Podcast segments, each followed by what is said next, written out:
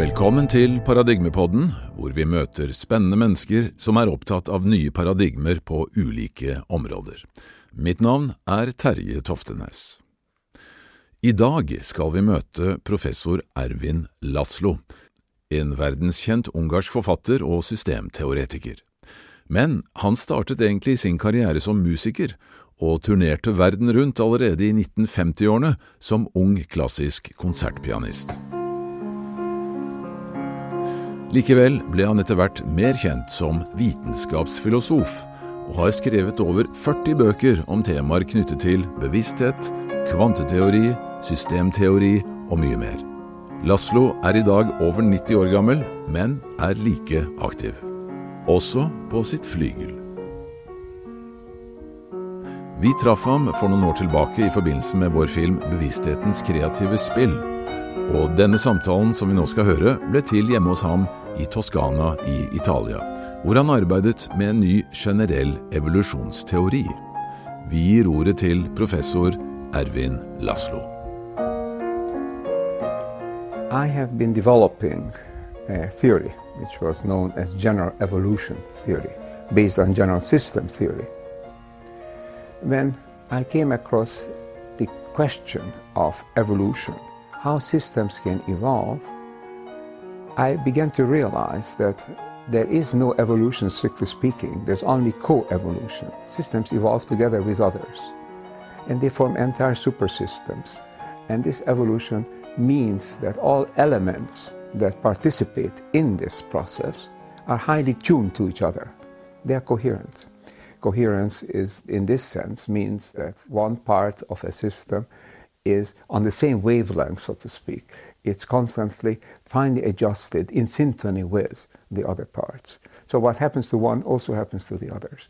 So I, how could complex systems evolve unless they were so finely tuned to each other that basically all the information that occurs in one is transferred or is present also in the others? Coherence, coherence within systems. When I pursued this idea, I found that there is coherence also among wider systems. There's coherence in the biosphere, for example. All elements, all parts of this system, in a very subtle way, but in a very real and effective way, nevertheless, are tuned to all other parts. The whole biosphere evolves as a whole. The big exception, as we can perhaps talk about it later, is humanity in the last few hundred years, who who escaped from this coherence and developed its own kind of rhythms. But the system as a whole, the natural systems in, of the world, are highly coherent. How could this happen? Obviously, it meant if a system is, has its parts are coherent with one another, they are connected in some way with one another. So there's bound to be some, something that carries the connection. I was not satisfied with simply saying, okay, uh, there is connection and we must accept it as a fact. I was always, uh, as a philosopher, as a thinker, as a scientist, you could call me a realist. I'm trying to be a realist, but not just a common sense realist. I'm willing to accept phenomena that go way beyond common sense, but I want to find an, a real explanation for them. And for connection, the explanation that I came up with was that there is something underlying these various elements of the system, which in science we best can call a field. A field is not something that you observe by itself. People think that there's a gravitational field, that you can see the gravitational field. Nobody's ever seen a gravitational field, and nobody ever will. What you see is objects falling to the ground, as you see the, your weight, which is the gravitational field of the Earth, and so on. But you don't see the field the same thing as you can see light, for example, but you don't see the electromagnetic field. Uh, the same thing with nuclear fields, obviously. So, field is, you could say, it's like a super fine fishing net where all the elements in it that get caught in it you can see. it. You don't see the net itself. But if you pull at one part of the net, all the other parts of the net move as well because the information is distributed throughout this field. So I began to explore this idea that maybe there is a kind of a field that is just as fundamental as the gravitational, electromagnetic field, as the nuclear fields, but has not been seriously entertained in Western science. When you look at it closer, this idea, of course, you see that this idea is, has been entertained in other, uh, other domains, in other cultures. In fact, going back 5,000 years, even in the Sanskrit Hindu philosophy, there is this notion of a fundamental ether, a medium, which is called the brilliance or the air, uh, which uh, has been uh, then known, better known as the Akasha. Um, so this is not new, but for Western science, uh, since the time of Galileo and Newton, since this modern science has developed, this field has not been taken seriously, even though there have been maverick philosophers and thinkers like Nikola Tesla, for example, who talked about this. So I thought uh, this is not an unreasonable concept. Let's try to explore it. Indeed, I found if you ask where this field could exist, there is plenty of explanations we can find. Because in modern quantum physics, you go way beyond the idea that there are only quanta moving, along, uh, moving around in space. Quanta themselves, these fundamental particles, are so seemingly so intelligent. They make their own decisions, as it were. This is what uh, Freeman Dyson and other nuclear scientists are saying. So that there's a possibility, there are only two possibilities, in fact. One is either quanta themselves are intelligent and making their decisions, have a kind of consciousness, or they're embedded in a field in which their motion is being guided by the field, so that the field has the intelligence, so to speak. You know? So this concept of space as having intelligence is really nothing else but the notion of a hyperspace, of a fundamental field, sometimes it's called the new ether, uh, which carries not only energy but carries information. Interestingly enough, you don't need to do much more than that, even though this is a large step already, than to assume that what has been known as the quantum vacuum, the fundamental field out of which arise the particles pairwise that make up the, the, the substance, the so called matter of the universe, that this quantum vacuum is not only a field of virtual energies, as a source for the real energies in the world, but it also carries information. If you assume that what is happening in this quantum vacuum are these elements that emerge from it and that interact with each other, and that uh, these elements, of course, uh, have are guided by and produce information. So you add information to the equations, as it were. Energy is fundamental, yes. Information is just as, or even more fundamental. Uh, the great physicist uh, John Wheeler said that perhaps information is the most fundamental element in the universe, and he was talking about the, the uh, physics of information that is going to be the future of physics. I fully agree that the discovery that nature runs on information not only on computers and not only our, our, our media and our daily life, but nature itself is filled with information.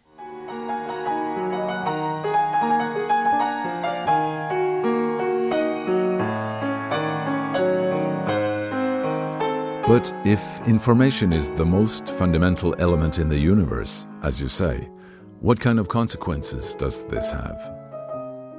When one starts with the idea that things behave in a coherent way, which is an empirical fact, then goes on to say, well, they must be connected in some way, and then one searches for the explanation for connection, then one gets to the notion of information, information as an element in the universe. Okay, what kind of consequences does this have? This actually turns out that it's a very different world than we thought the thinking in the Western world, again, I must emphasize, not in the Eastern traditions, not in the traditional uh, uh, cultures, but in the Western world of the past 250, 300 years, since Galileo, Newton, Kepler, Copernicus, Descartes. The thinking has been that reality is made up of bits of matter. Newton mathematically called it mass points. Okay? And these things obey very specific laws. These are the laws of nature as formulated in classical physics, in the physics of Isaac Newton. what happens? Where are these uh, uh, bits of pieces of matter, uh, of reality, ultimate building blocks of reality, like the atoms of Democritus? It's a new form of that. Well, they are simply in space, but space is nothing. Space is empty and space is passive. They are also in time, but time, as Newton says, flows, flows equally for all eternity. So space and time do not enter. Einstein had this genius idea that space and time, in fact, are part of the physics of the evolution of the universe. So it enters into it. Then, right away, the question is space time must be something. Now, in the earliest formulations of relativity theory, space time was a geometrical concept. It's something needed to explain things. But then, already in later, in the 1930s, Einstein himself came up with the idea, as he said, that space, as a kind of revenge on, of, on, on the secondary position that it has had in physics, is now eating up matter. These are his words, you know. So because space is the primary reality and matter is something that's embedded in space.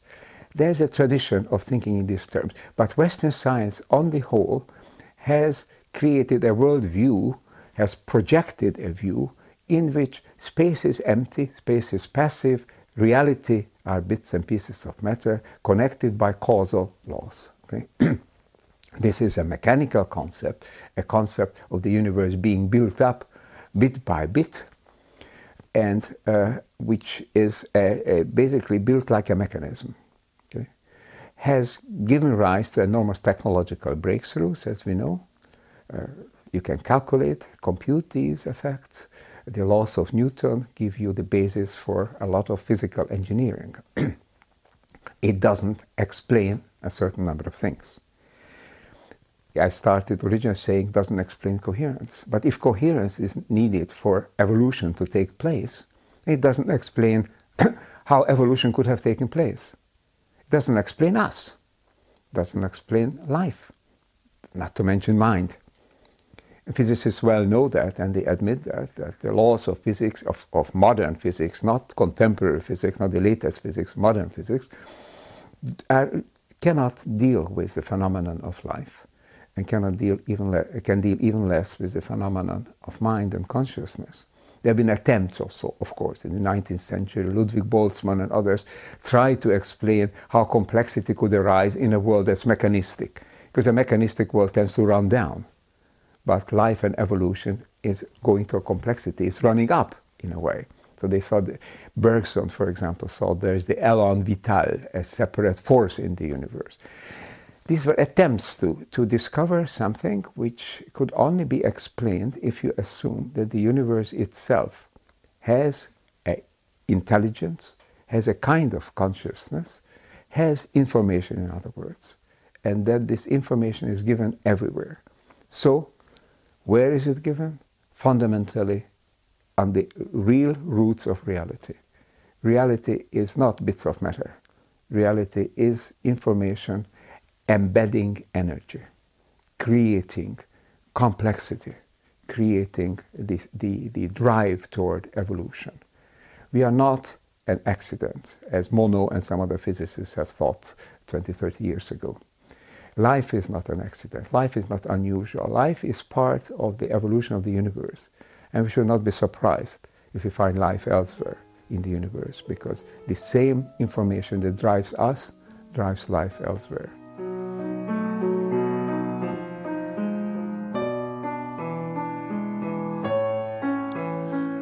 Uh, in your books, you're also mentioning the element of memory as integrated in information.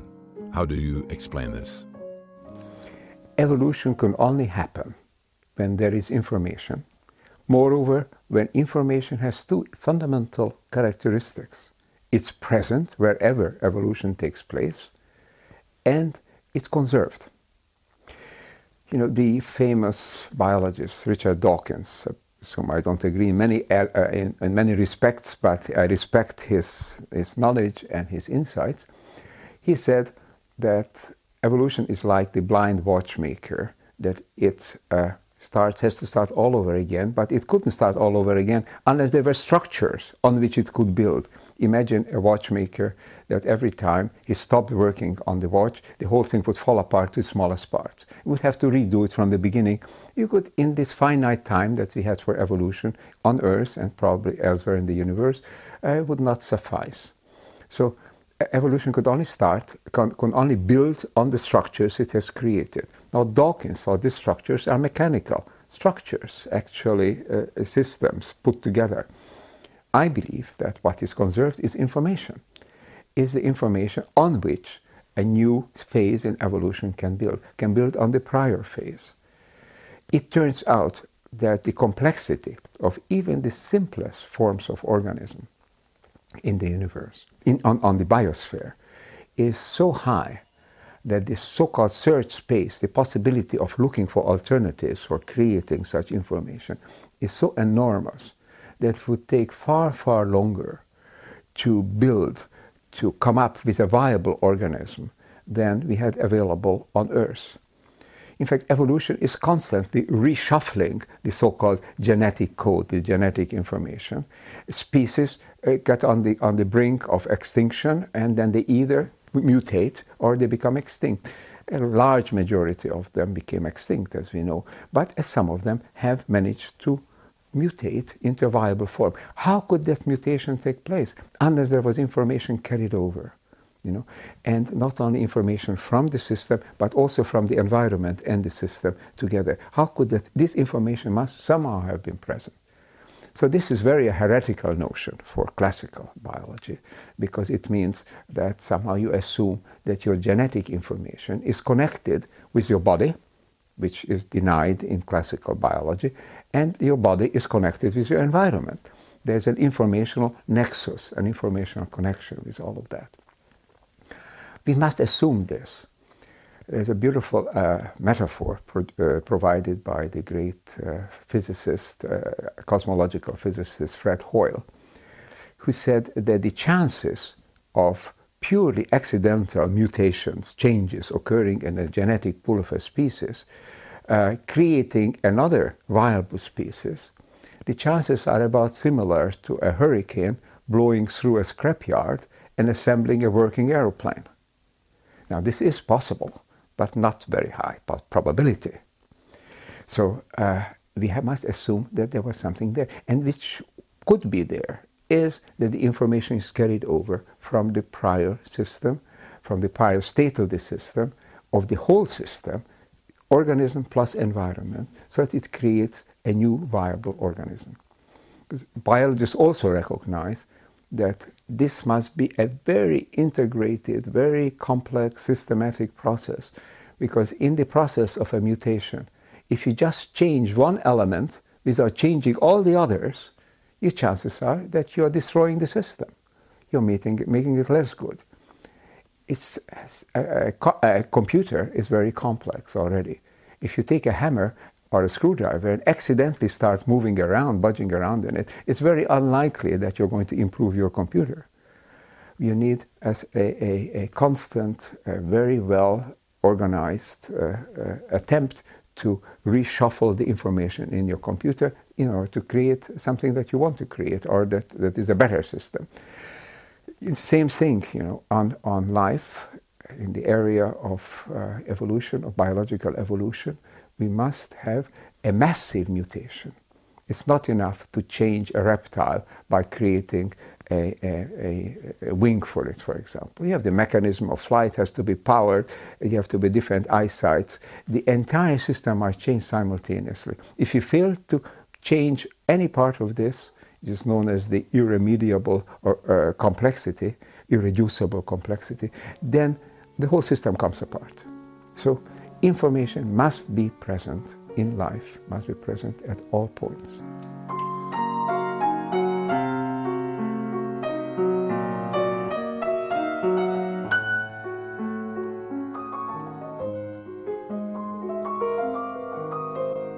But how is information distributed and where does it come from? We talked about information being present in the biosphere, in nature, for, for its evolution. But for the evolution of the universe, likewise, information needs to be present. Now, here's a problem. There are two problems actually. One, how could the entire universe conserve information so that all elements of it are present at all points? The second problem is where did this information come from? Okay. Let me address each of these. In order to assume that uh, an entire system, and no matter how large it is, it can be a, a biosphere, it can be a solar system, can be a galaxy, can be the meta galaxy, which is our universe for this system to have information present in it in a universal way, you must assume that it is similar to what we know as a hologram. A hologram is a very interesting phenomenon. Has not been known until Denis Gabor developed it uh, in the 50s and 60s. But it turns out that in a hologram, all the information that creates a certain image is present in every part of the holographic film. So you can take any part of that holographic film, you illuminate it, best done with a laser or even a strong uh, uh, uh, light, and the whole image appears. Of course, it's fainter, it's less distinct than if you illuminate the whole holographic film, but it's there. That means it's there. In fact, it's a very simple experiment that one can do. You take a classical, ordinary uh, slide projector, or computer projector. And you make sure that it has a slide in it or has an image in it, but then you remove the lens from it, you know. Then you take the lens and you move it, move it to the screen. Now the screen without the lens doesn't won't have an image. It have what is known as the optical array. It has a vague uh, shapes, not even shapes, a vague uh, combination of colors made so that all the colors are represented in its spread all over. So you don't see anything on it. You take your uh, lens, you move it close to the, any part of the screen, and lo and behold, the whole image appears at that point. You can just don't even take the lens, you can take your eyeglasses, and as long as it focuses the image, there is the image there. So over this so-called optical array, information is given at all points. Now think of it like this. In the universe, is, in this sense, a hologram. I don't believe that. We are purely holograms. I don't all of reality is hologram. But information in the universe is given in the form as it is given in hologram. That means in a distributed way. Information is there. There is a cosmic information pool which recalls, as we can talk about it subsequently, if you like, um, recalls the ideas of spiritual insights, of, of a divine mind which suffuses, which is present everywhere. The presence of a divinity is the presence of information in the universe. Okay, so that's one question, one problem, the presence of information. We now see that it is possible to conceive a way in which information is given over the whole universe. The other problem is why did this come from? Where did this information come from? Now, until very recently, it was believed that the Big Bang was the origin of the universe. That at one point, the, this universe, which until very recently was considered the only universe, that tremendous changes have occurred in science in the last 20 years that are not even known very widely. But you know, up till the 1950s, uh, 60s, it was believed that what we consider our galaxy was the whole universe. Now we know there are billions of galaxies. And now, in the last 20 years or so, we recognize that there is very likely that the other universes have existed, do exist at the same time, and will exist. So uh, now the question is this universe was born at one point and it was born with very precise parameters. It turns out that there are about 30, slightly more than 30, uh, parameters, such as the uh, exact force of the electromagnetic field, of the gravitational fields, the size of the proton versus the size of the electron, uh, these kind of things. If you change any one of them, for example, the rate of the expansion of the early universe. If you change by one billionth of a part, if you make it slower, the expansion, the universe will recollapse. If you make it faster, the universe will expand so fast that no complex systems could arise. This universe was created, in quotation marks, in such a way that life complexity could arise in it. Galaxies could come about, solar systems could come about on certain planets at the right distance from a sun, and an energy flow comes about. Energy flow carries the information, motivates the, the, the, the quanta, the molecules, and the atoms there, and evolution can take place. Precise, precisely such as, as it was, such as it can take place. How come? There's one explanation given 20 years ago, so the so called anthropic principle but this is a mind boggling principle. It has various versions, but basically it asks you to believe that the universe is such as it is because you can observe it. And because we, obviously we observe it, we, if we wouldn't be here, we couldn't observe it. And because we are here, that means the universe must have been such that it could create us and probably, probably other beings, uh, uh systems of high complexity. There's a better explanation and it's now coming through in mainstream physics even. It's so-called quantum loop theory, loop, loop gravity theory. Uh, has shown now that it's possible to model the universe, the birth of our universe, as being the result of the collapse of a previous universe. So if a previous universe collapses into a super galactic black hole, the tremendous forces are created which compress the, all, the, all that exists in that universe. These forces, when they reach the quantum dimension, then they create tremendous opposing contrary forces, expansion forces. The expansion is equivalent to what we consider the Big Bang.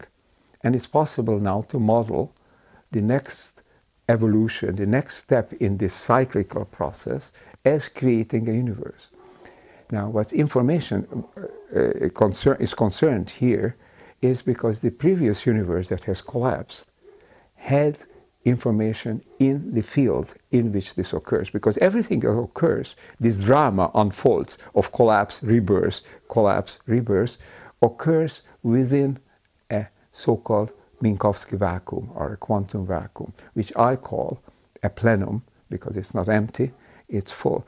And all this is the basis, is recognized in, by cosmologists that the vacuum is the substrate, is the background, the substance within which the universes arise, certainly within which our universe arose.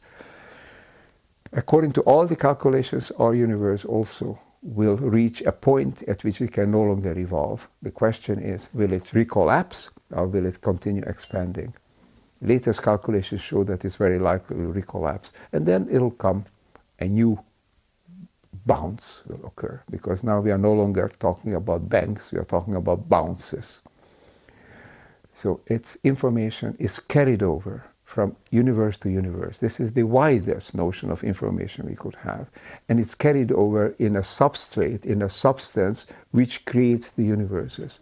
A totally different picture from just bits of matter moving about in empty space.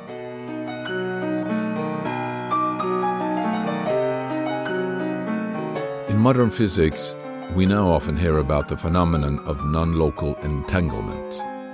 What is your view on this?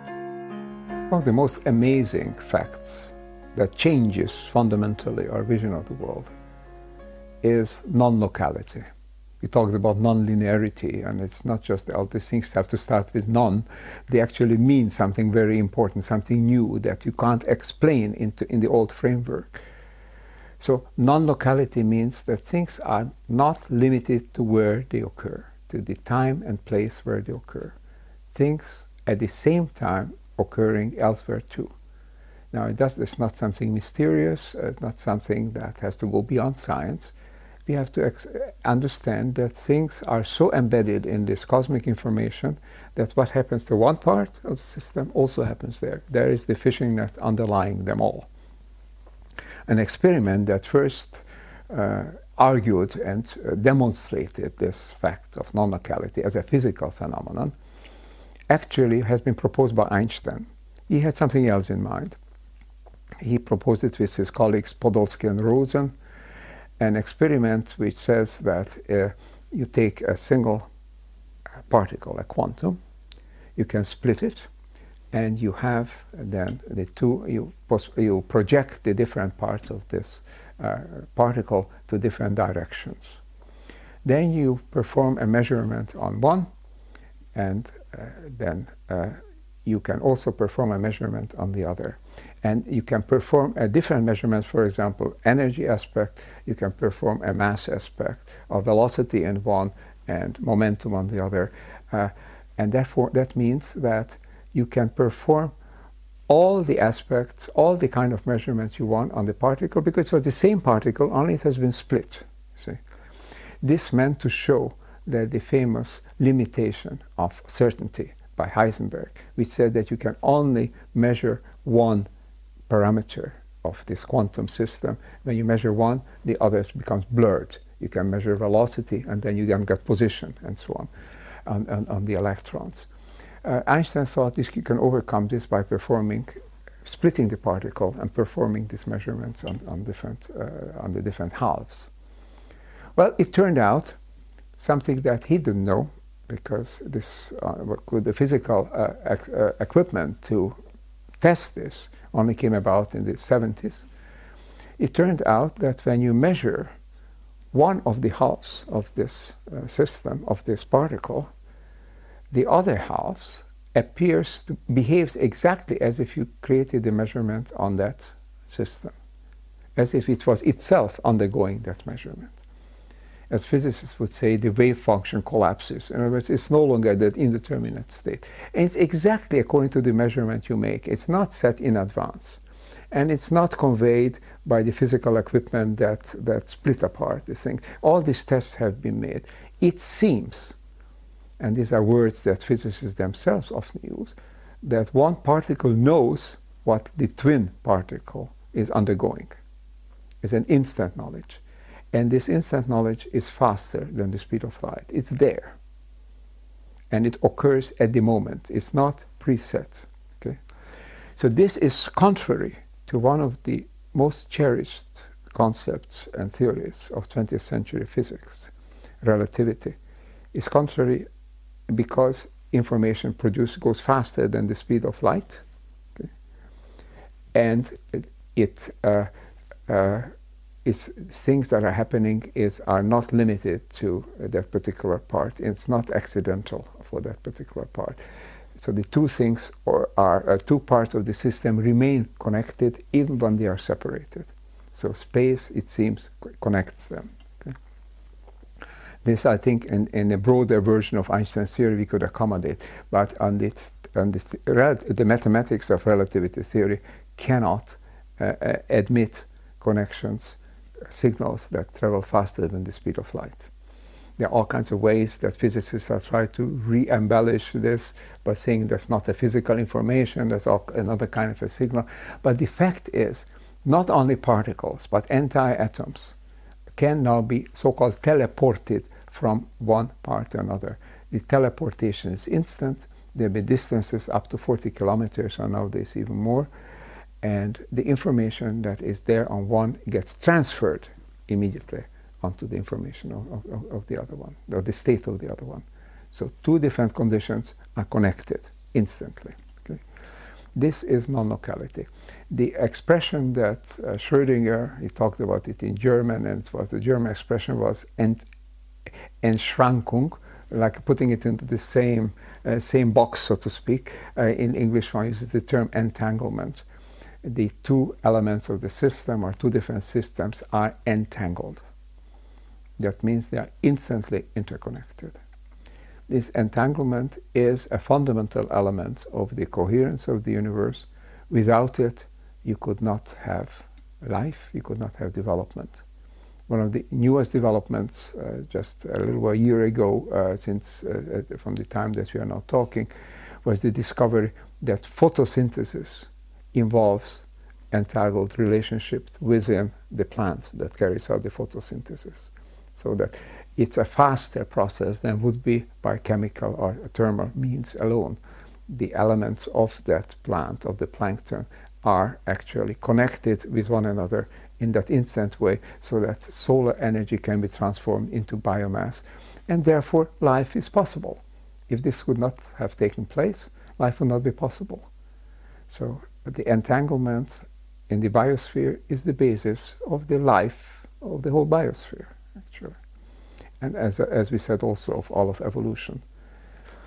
So we can understand that uh, it may, may be a mind-boggling notion, it may challenge our common sense notions, but the fact that things are connected with each other across space and time, are over transcending space and time, is a fact, is a physical fact. I think it's a fact of our consciousness as well, because we can be connected to each other instantly, as experiments with altered states of consciousness show. What happens to one brain uh, measured through electrodes is carried over to, to the other one, even in the absence of sensory signals, sensory communication. This is a fact that is a very essential fact, and we have to recognize the world is information imbued and instantly interconnected.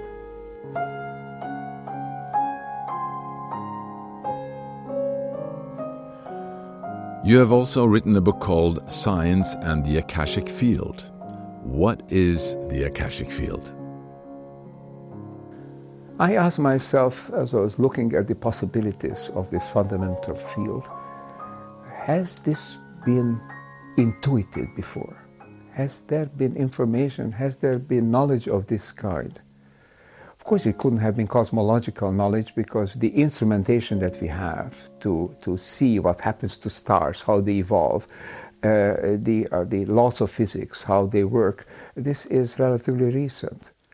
But when you deal with a fundamental aspect of reality, you should not exclude the possibility that it has appeared in human consciousness not necessarily calculated and computed in a left hemispheric way, but in the right hemisphere of your brain, which conceives, which perceives gestalts, which perceives complexity, and uses imagination and intuition. And indeed, I found that this idea is present. More specifically, it's present in Hindu and Sanskrit uh, cosmology. There, it was known as the Akasha. Now, a little background here. Akasha is considered the ether. The ether, which was also conceived as brilliance, as the foundation of all things. Now, this 5,000 years ago, they talked about the ether, but they talked about the ether not as a mechanical kind of a field that produces friction. They talked about its brilliance, they talked about it as, as knowledge, as wisdom, as the origin of things, a kind of a force that produces phenomena. Now, the great uh, Indian sage, uh, Swami Vivekananda, wrote in the 1920s a book entitled Raja Yoga.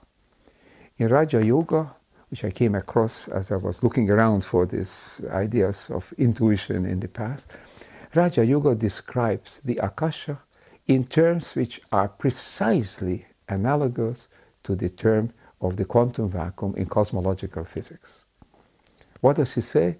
He says there is the Akasha, and out of Akasha, when there is an action of prana, which is a, a motivation, a driving force in it, uh, comes out comes the universe. All things are created, and he goes to great lengths, the beautiful poetic expressions all the things that you can perceive, all the, all the, all the uh, blades of grass, the, uh, the uh, animals, the clouds, uh, the stars, everything was born out of the Akasha under the action of prana, prana which is the energy, the manifest energy of the world. And at the end of the cycle of the universe, all will fall back into the Akasha. This was knowledge that Vivekananda took from the ancient uh, wisdom present now already 5,000 years. This is the concept of a cyclical universe. In fact, in Hindu cosmology, it's there. It's there as the breathing of Brahman, you know, breathing in, you know, as the collapse, drawing back the universe. Uh, uh, breathing out again, inflating, having the new universe come up. So, a cyclical universe uh, based on the substance of, a, of an information field was known intuitively all this time. It was never forgotten, except that in Western science it was considered, uh, is not necessary, this concept. So it was considered metaphysical and discarded. We now see that it's necessary. We can't explain the actual workings of the complexity, the evolution of the universe. We can't explain our presence without the notion of coherence. We can't explain coherence without connection. We can't explain connection unless we also bring in the idea that there is something that connects, that information connects. And we need to put information someplace in the universe. And then we put it someplace, which the ancient called Akasha. So I call the Akashic field. And this apparently has a great deal of resonance in people's minds because people say, aha, you know, I thought of this. I had some experiences like this. I even read about the Akashic record, which is memory of all things that happened. And this idea that nothing disappears, nothing completely disappears from the world. It can disappear from your sight, it can disappear uh, as being manifest, but nothing completely disappears. This is an ancient notion that is very deeply rooted in our psyche. We really know, if we think about it, if we introspect, that we know that nothing can completely disappear. Everything remains part of this universe. So this universe is an information-filled universe. We create information, we build it, and the, and the universe builds on this information and recreates itself to higher and higher levels of complexity.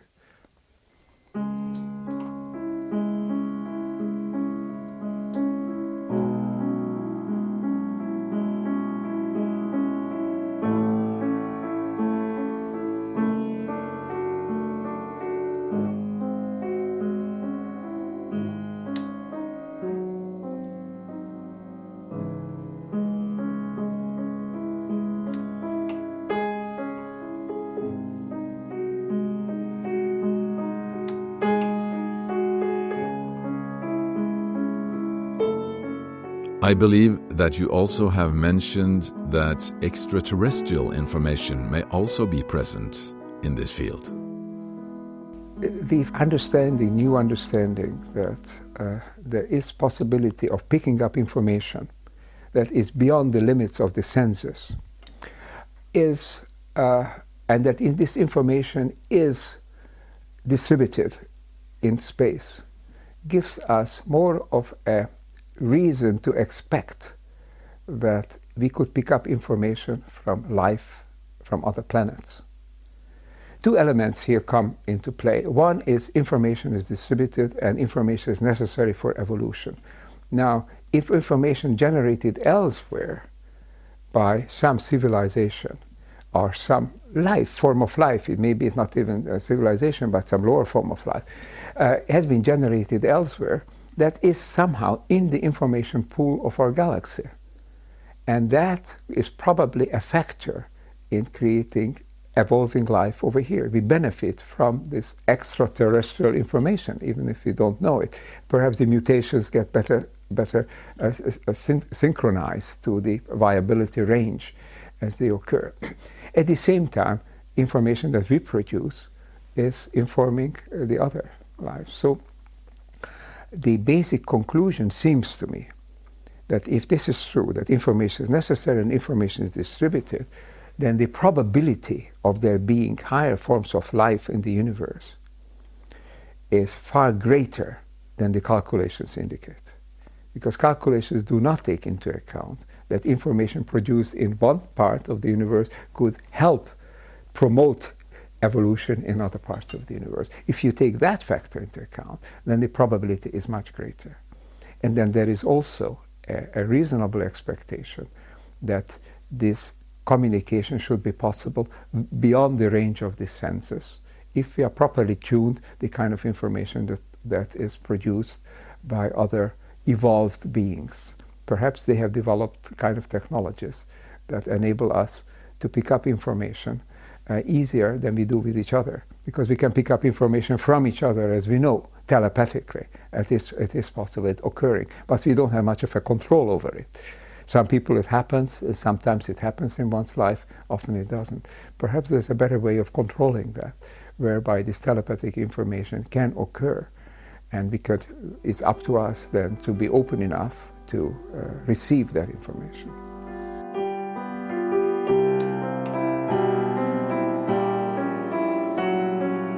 Communication beyond the brain and near death experiences. What is your comments on that? Well, one of the greatest surprises I've had in recent years was actually experiencing uh, communication with consciousnesses that appear to be responding, appear to be real. I don't believe they were fraudulent, but they are not connected with a living person. Now, what I would expect on the basis of my theories and of related theories about the cosmic information field is that everything that ever happened is conserved. Therefore, when something disappears from the manifest world, the information that it has created is still there. But this information will be like a museum, like a storage place. You know, you can read back, like a book if you like. You can read it, perhaps. The Akashic record, but it, the book doesn't talk to you. It's, it's, not, a, it's not an internet e-book, you see. Uh, but to my surprise, it turns out that there are cases, and since then I read up a good deal on this, there are manifestly documented cases in which the information that's been generated by a living human being, a living brain, continues to exist. Not only exists as a record of the past, but continues to act in a dynamic, uh, self creative form.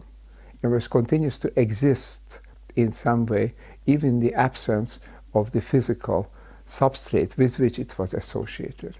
As I mentioned earlier, I believe that the cosmic consciousness, that the consciousness that infuses the universe, is translated or, or transduced by a living brain.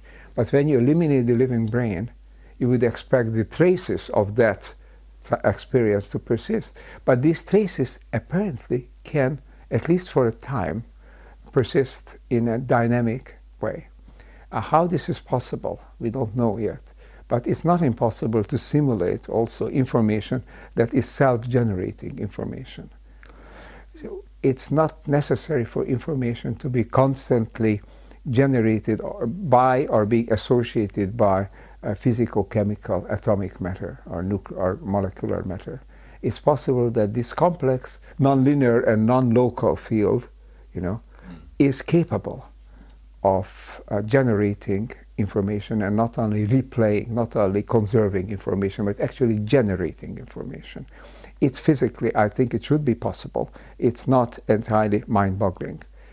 But the fact that it does occur confirms a lot of the intuitions, a lot also of the experiences of people who have, who claim to have had communication with deceased people, people who have no longer alive.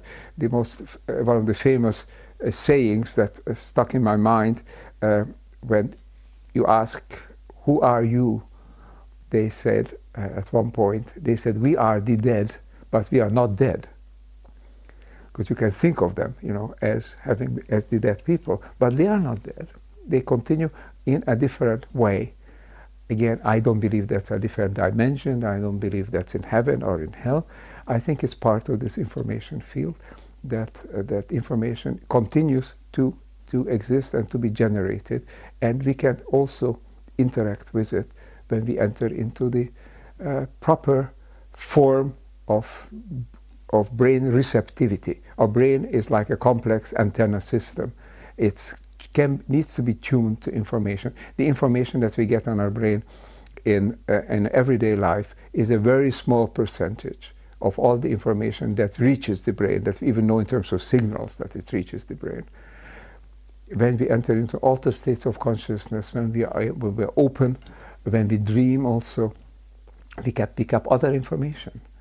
And uh, possibly when we have this transcommunication, as it's called, we also then are get to be tuned, sometimes with the help of mediums, you know, sometimes with the help of instruments, uh, tuned to kind of information that is ordinarily filtered out in our everyday consciousness.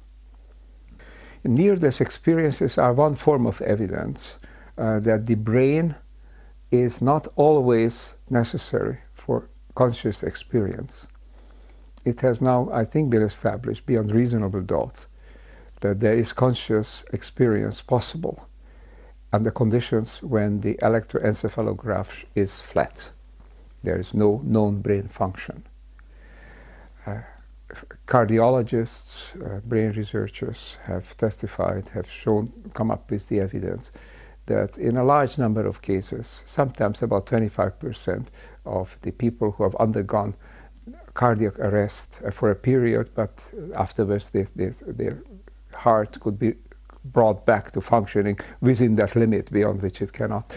Uh, life is not possible anymore. It's a few minutes. Uh, and then when they come back, about 25% of the cases recount these experiences. In fact, there are some famous cases where people will be brought back, have strongly objected to having been brought back. They said, Why did you do this? Uh, because my experience was some of these near death experiences are so fascinating and such, uh, such happiness, such calm, uh, that they really are resented being brought back into their sick body.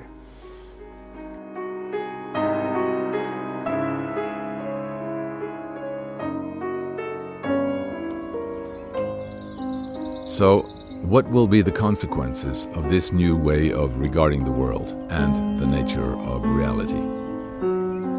The consequences of this new worldview for our daily life are very serious. We recognize, for example, that in certain cultures, such as in the classical culture of India, because India now has is an, is an esprit of Western kind of development, but the classical culture is still present. There, there's a great deal more respect for nature, far fewer problems of, of an ecological kind than in the modern kind of civilization.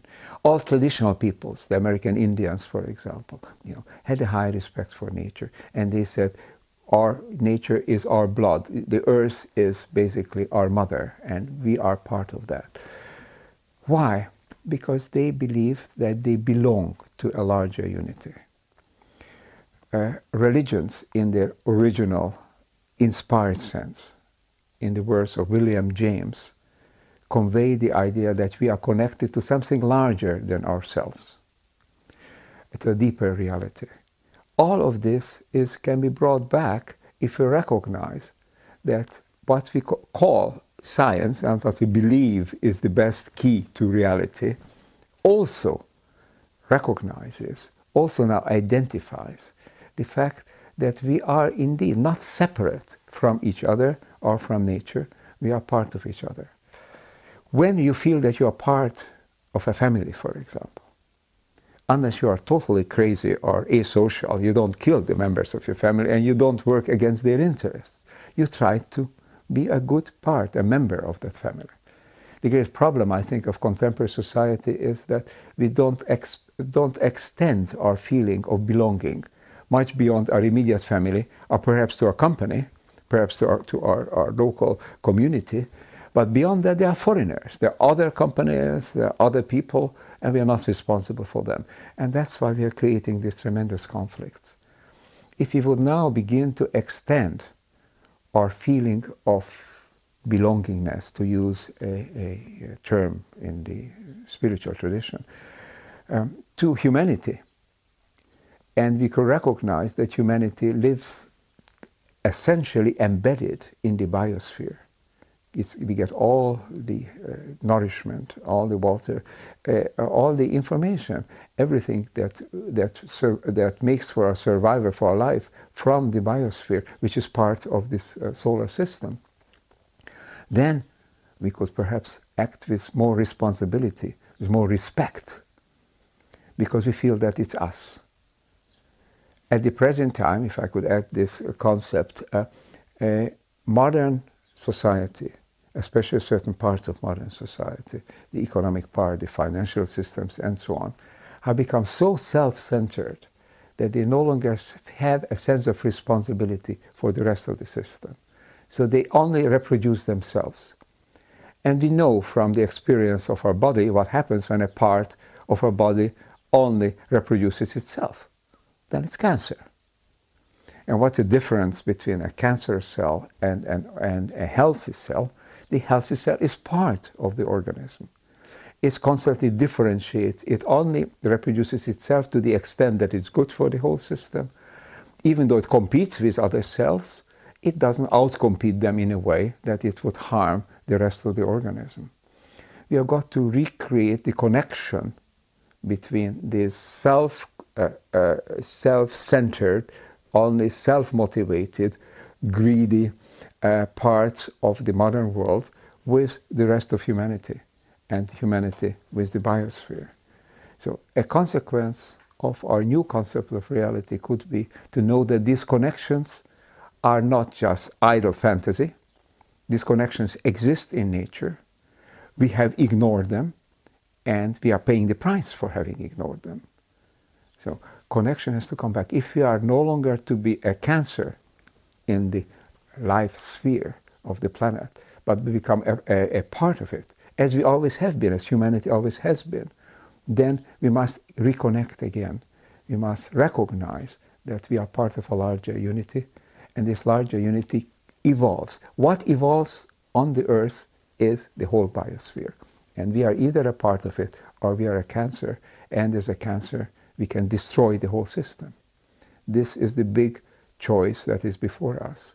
And I believe that the recognition that there is information in the world, that we are part of this information, that the whole world evolves together, that we are part of this akasha, which is the fundamental reality of the world, can help us to develop the empathy that is in us already, but has been suppressed by mistaken notion, by mechanistic and fragmented notions.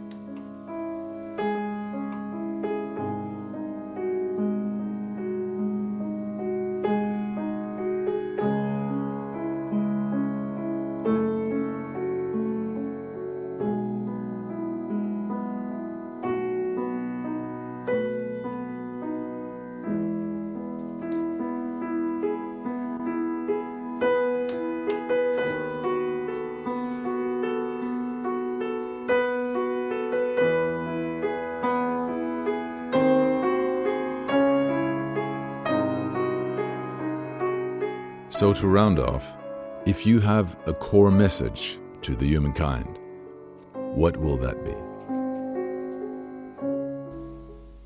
We may not be the most evolved species in the universe, but we are certainly the most evolved on this planet. We are the only species that is capable of reflecting on its own behavior and therefore choosing what kind of pattern of behavior it adopts. We are also the only species that is capable itself destroying itself and destroying all higher forms of life on this planet. Now, this at the same time is a tremendous privilege, but a tremendous responsibility. We are a means, we are an eye through which the universe gets to know itself. We are a way in which the cosmic consciousness gets translated so that we can experience it. This is unique here. But at the same time, it poses the real, serious threat of using this insight that we have in a way that permits our survival jointly with the survival of all life on the planet. We cannot survive alone. We can only survive with all human beings and all life on the planet as it's constituted. Small changes will always occur, but overall, we have to co evolve with the rest. We have co evolved until a few hundred years ago, with small, of course, excesses, like in the Middle East, we have deforested a lot of the territories, etc. But they have been relatively minor problems. Now we are on a vast planetary scale we are becoming incoherent with the rest of nature. If this eye of the universe is to remain open, this tremendous responsibility, this, this cosmic privilege, has to be taken seriously and for in our own interest, and I would say not exaggerated, the interest of the universe that surely has produced other forms of life of this kind, of this intelligence, but surely relatively rarely it is, cannot be a very common occurrence because of the physical conditions that, have, that occur on, in the universe, then this responsibility has to be grasped and we need to learn to live in a way in which a conscious being needs to learn, needs to live, live in harmony with each other and with the rest of the world.